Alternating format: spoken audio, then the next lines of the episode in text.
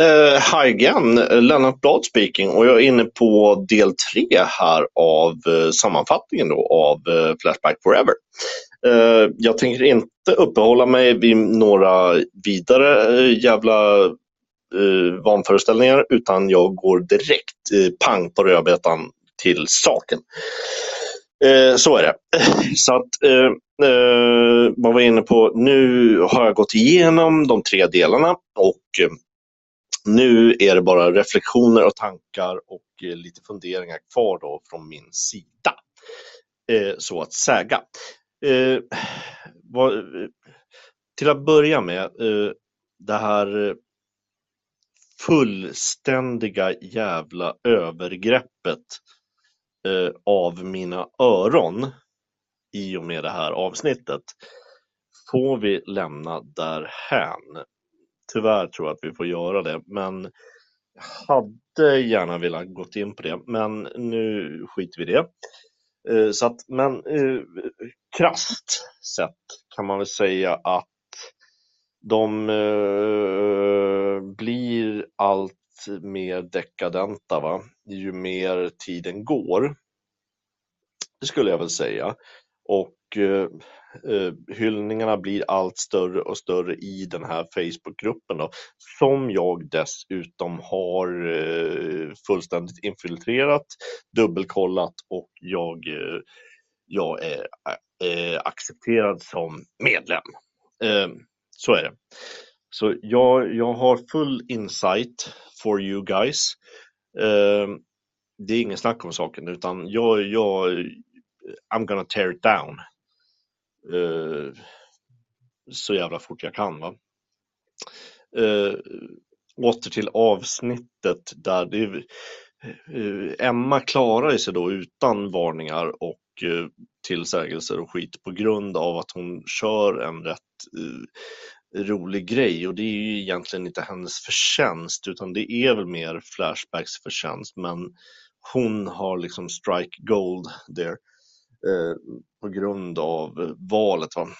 Så, att, så, så kan man väl kanske sammanfatta det. Eh, det här med Ina, det var inte, jag tyckte inte att det var kul eh, överhuvudtaget. Det fanns ingenting där som egentligen tilltalade mig. Ja. Och som sagt, det vart brandgult och avstängning eh, tills vidare på henne. Sen hade vi Mia som i normalt fall brukar överraska, brukar kanske ha det lite bättre materialet av de här tre. Men eh, denna gång icke.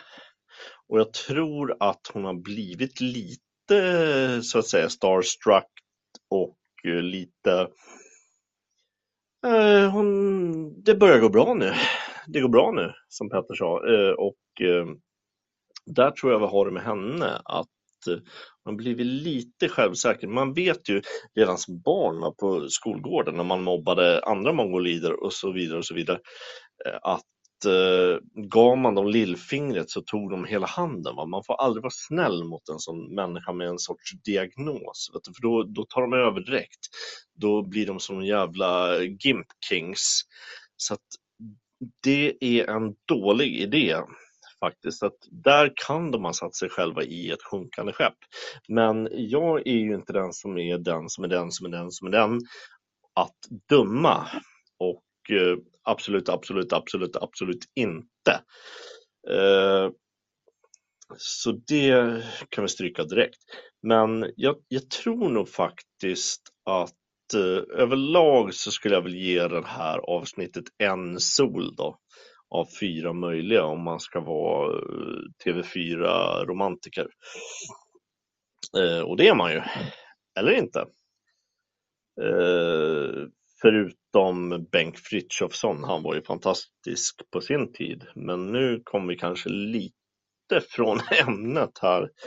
Eh, jag vet inte vad som hände där, men Eh, oklart i alla fall, oklart.